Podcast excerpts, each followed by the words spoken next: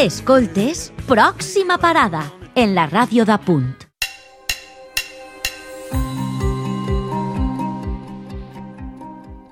Amb Isabel Ferrer. Com estàs, Isabel? Bona vesprada. Hola, bona vesprada.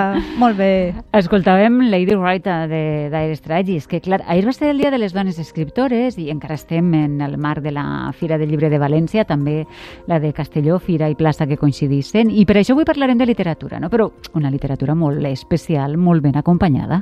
Així és, avui parlarem de música i poesia, però amb algunes protagonistes molt especials, que són les poeteses valencianes.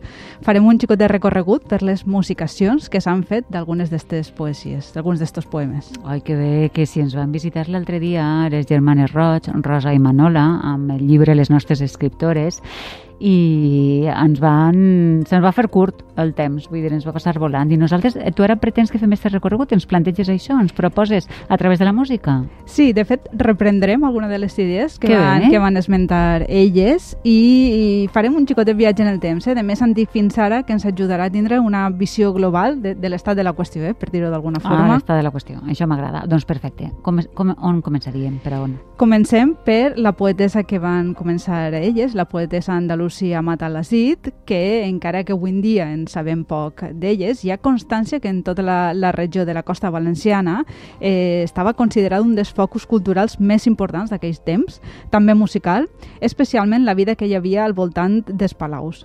Bona part d'estre rastre, on les poeteses tenien un paper molt important, les poeteses que també eren cantores, també tenien molts coneixements musicals, este rastre s'ha anat perdent però hem tingut sort perquè per tradició oral els, ells i les morisques conservaren algunes de les creacions literàries d'aquell temps i les escriviren en un cançoner que l'hem pogut llegir a ella i a un grup de, uh -huh. més de, de poeteses. És allí on trobem a, a Matalassit, de la qual s'ha conservat un xicotet fragment, que és, el, que és el que elles van posar, que es diu Les vostres mirades, i escoltarem la musicació que tenim de, pe, feta per Capellà de Ministres. ولحظنا يجرحكم في الخدود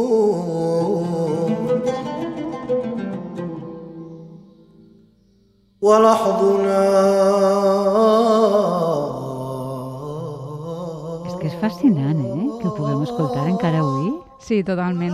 Totalment és, és quasi un, un fet que, que que a més ajuda a trencar molts estereotips sobre, sobre, les, sobre el que pensem no, de les cultures del, del nostre passat i una part del nostre passat molt desconegut. Mm. I si pensem en este passat d'estos segles, 12-13, si pensem també en el costat cristià i trobem les trobairits, que a l'Ensona molt ja dedicarem un monogràfic a sí. elles, que podeu escoltar a la xarxa, però per resumir, les troberits foren unes dones que visqueren entre els segles XII i XIII i que escrivien versos musicats en occità sobre temàtica amorosa però també social. Per imaginar-nos un poc com podíem sonar, tenim a la nostra disposició l'única obra conservada de lletra i música, el, el, el PAC, que es titula Xantar de la Trobairits Beatriu de Dia. I ara escoltarem una versió que m'ha fet en un disc que també es diu Trobairits, Mara Aranda. Merete so eu non volria Tan me ranquia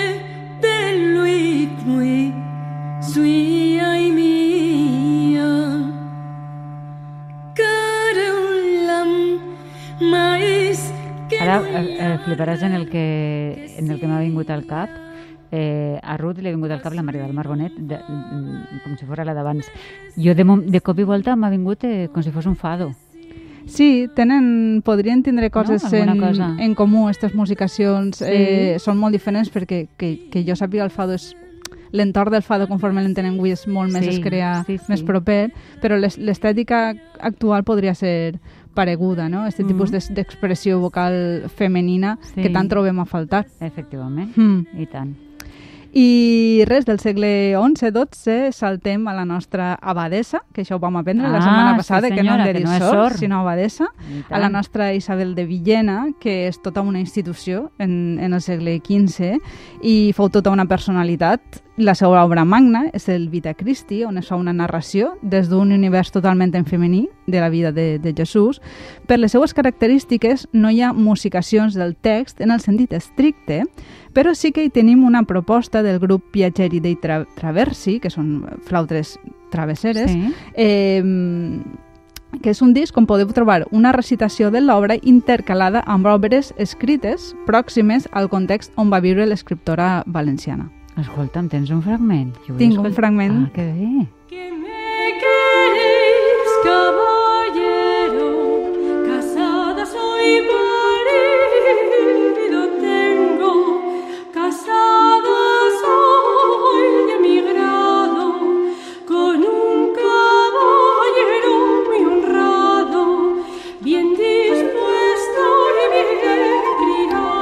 Això és una peça que es diu Soleta i Vergestic, que de Sí? Bartolomé Casteles, un compositor que trobem un segle posterior a l'Abadessa i del qual no en sabem moltes coses, però sabem que va treballar per esta, per esta zona. I amb això tanquem un poc l'edat mitjana i comença una època un poc de davallada eh, fins al segle XX que tornen a reeixir. És a dir, en l'edat moderna eh, no no hi ha moltes musicacions, o jo no les he sabudes trobar, si alguna persona a l'audiència ens, pot, ens pot fer alguna aportació. I no és perquè no hi hagi escriptores, que hi ha moltíssimes, tant en castellà com en valencià, sinó perquè probablement les característiques de les seues obres no donen tant de joc actualment. Hi ha molt de poesia religiosa i d'altre tipus Mm. que avui en dia no és tan, no és tan comuna. Amb tot per a qui li interessi, hi ha tres publicacions, on saber-ne més, de les autores Verónica Zaragoza i Maria de los Ángeles Herrero. Com no tenim temps, deixarem, les deixarem en internet, eh, ben referenciades, Sí. per si alguna persona les vol consultar. De fet, és molt probable que algunes de les obres de les escriptores de l'edat moderna estigueren pensades directament per a ser interpretades amb música, com podien ser les, les cobles, els gojos o altres peces de caràcter eh, més religiós, com villancets, per Mhm, exemple. Magnífic. Doncs mira, si els nostres oients volen llegir-ne més eh, sobre les escriptores de l'edat moderna, ja saben que, que tenen aquestes obres a, al seu abast. Eh, I a partir d'ací ja fem un salt eh, directe cap al segle XX per a tornar a trobar-nos amb musicacions de poetesses. Ara sí que ja les trobem en valencià. S'ha de dir, però, que hi ha un gran desequilibri encara entre les musicacions de poetes masculins i de femenins, així que, com de poetesses en tenim un bon grapat i molt bones, el missatge que llancem des d'ací a les persones que es dediquen a la música és que s'animen, s'animen també a, a musicar eh, poetesses en, en valencià. En tot cas, comencem parlant-vos de la poetessa Maria Beneito, que és Mm. una de les autores valencianes de postguerra més destacada, que va cultivar tant poesia com novel·la. D'ella ens parla Maria la Cueva, el llibre Les dones fortes, que també recomanem des d'ací, que és eh, publicat per, per l'editorial del Magnànim, i de Beneito sentirem el poema que porta per títol Els amics tristos en un arranjament que fa Eva Dènia amb una interpretació amb acompanyament de violoncel. als amics de tristor, però els diria que l'au del pit encara viu i nia, que ja vindrà la nit i la mà freda Et puc explicar una anècdota que fliparàs? Endavant. Ma, no sé si fliparàs o no. Eh, Eva Dènia, a qui estime molt i que és meravellosa i a qui m'encanta escoltar, saps com, per què va musicar esta cançó? No ho sé. A veure, ara vaig a dir, mm, mm, vaig tindre una miqueta d'intermediació. Jo estava llegint Maria Beneito i vaig fer una fotografia d'este poema que em va encisar, com tota l'obra de Maria Beneito, i el vaig pujar a, a les xarxes, a Facebook en aquell moment. I Eva, que ens havíem conegut ja perquè havia vingut a Vilareal a cantar, amb Merche Martínez, al cello, em va dir, eh, em va demanar més informació sobre el poema, li vaig enviar-hi de més. I eh, li va encantar eh, i, i el va musicar. Doncs mira, Imagina't, com tanquem el cercle. tanquem el cercle. I a més ara que Eva es retira, es retira ho he i, llegit. efectivament, i és una llàstima perquè és una veu meravellosa. No la perdrem, sinó que la guardarem en el cor i en el mòbil o on siga, a l'ordinador o a través d'estes meravelles. I tant que sonores. Sí. Perdona, eh, per l'anècdota, No, però és que m'ha semblat eh, que xulo. Magnífica. Sí, sí, sí. I bé, eh, d'este arranjament eh, també destacar per tot el que parlàvem d'estos processos no? d'intercanvis culturals que és molt possible que en esta unió que es dona entre poesia i música sempre diem, no? en, en, em sona molt que és possible que les primeres poesies en sentit estricte vingueren de la tradició oral i en algun moment ens decidirem a escriure-les i gràcies a això moltes d'elles les hem conservades. Avui no tenim temps, però hi ha infinitat de músiques de tradició oral que coneixem gràcies a aquesta cadena invisible que, que formem les dones, que sovint ens han privat de Mm. l'escriptura.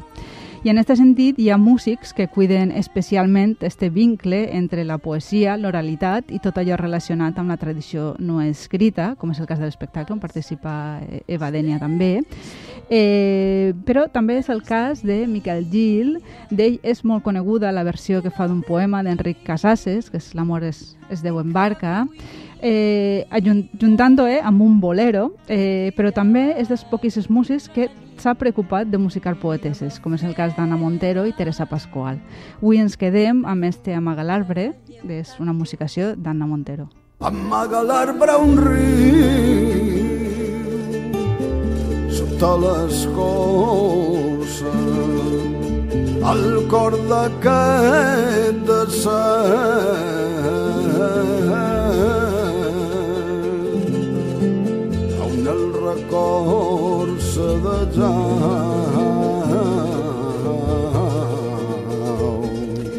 A mi esta versió m'encisa i em sembla un autèntic goig l'adaptació que fa de les formes del cant d'estil amb tocs de jazz Mm. a partir de la poesia que, que veritablement fa posar els pèls de gallina. Ho trobo d'un gust sublim. Home, és que escoltar a, a Miquel, uh, vull dir, Gil, és... Canta el que cante, però si damunt li sumem la poesia de, de Montero, doncs de Diana Montero, genial. Pell de gallina, clar que sí. Totalment.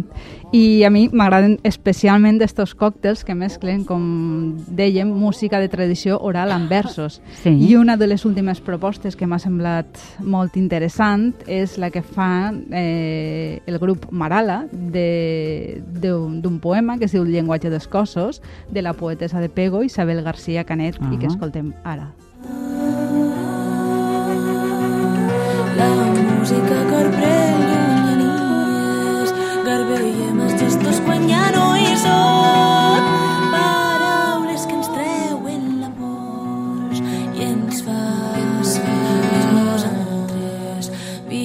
Vives espelmes a ser amb la nit. Què ens dirà? Què ens dirà? Si aquest és el camí Puc estar escoltant-ho Sí, Moltíssima tra tranquil·lament, estona. sense parlar És- més. A més, és- que la poesia d'Isabel García Canet també m'agrada moltíssim.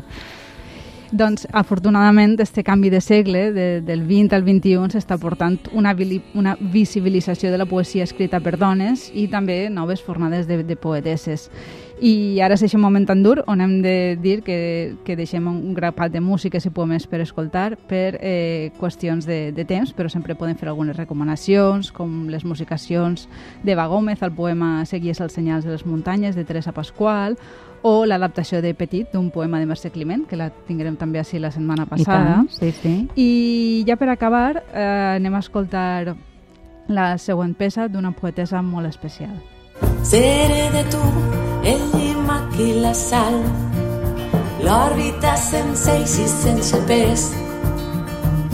L'escat covard, perdut en la batalla, on l'ànima corpresa per l'assalt. Et voldré la pell a les paraules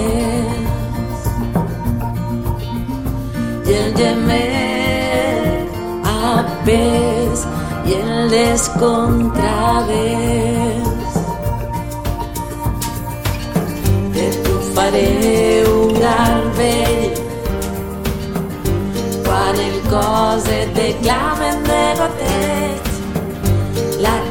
calç i la llepada Ai, Isabel, te menjaria besos.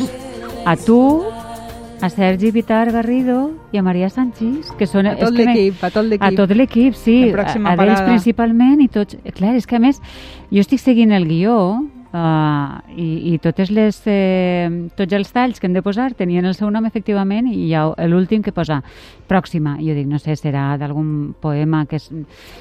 És que és un poema meu que han musicat, eh, doncs això, Sergi, Peter Garrido, el director, i Maria Sanchís, eh, lingüista de, de la casa de punt i, i que ha portat Isabel ha sigut eh, culpable, no? De dir, faré això. Entre tots un poquet. Que bé. Ha sigut. Ha sigut eh, Isabel, te, te, te, però t'estime lo más. Moltíssimes gràcies, perquè és un, un poema molt, molt xulo, molt especial i me fa especial il·lusió que ara siga un triangle i tota una família amb este poema, la família de Pròxima Parada. Que bé. No volíem deixar passar l'oportunitat de, de parlar d'esta temàtica i tindre, i tindre una, a, una, a una poeta. I... Doncs eh, te ho agraïs moltíssim.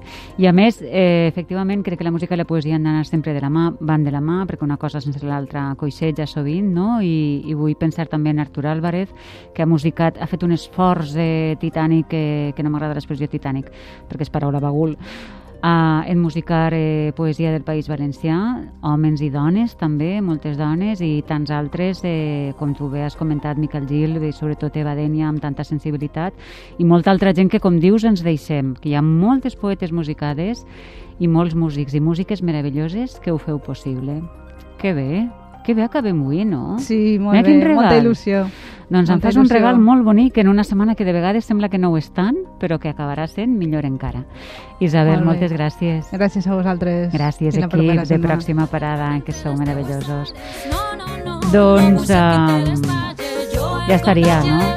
Ja estaria, sí. Demà els recordarem la pregunta i a veure si s'animen i ens contesten aquelles pel·lis i tot això que els emociona tant i que Gemma sap preguntar-vos-ho també.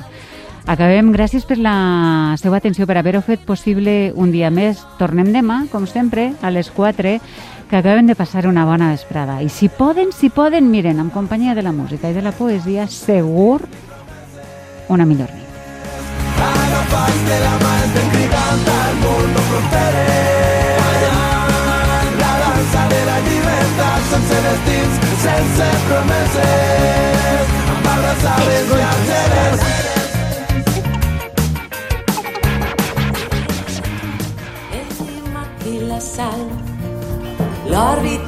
Sense i sense pes. L'escat covard, perdut en la batalla, on l'ànima corpresa per l'assalt. Et voldré la pell a les paraules i el gemer a pes i el. De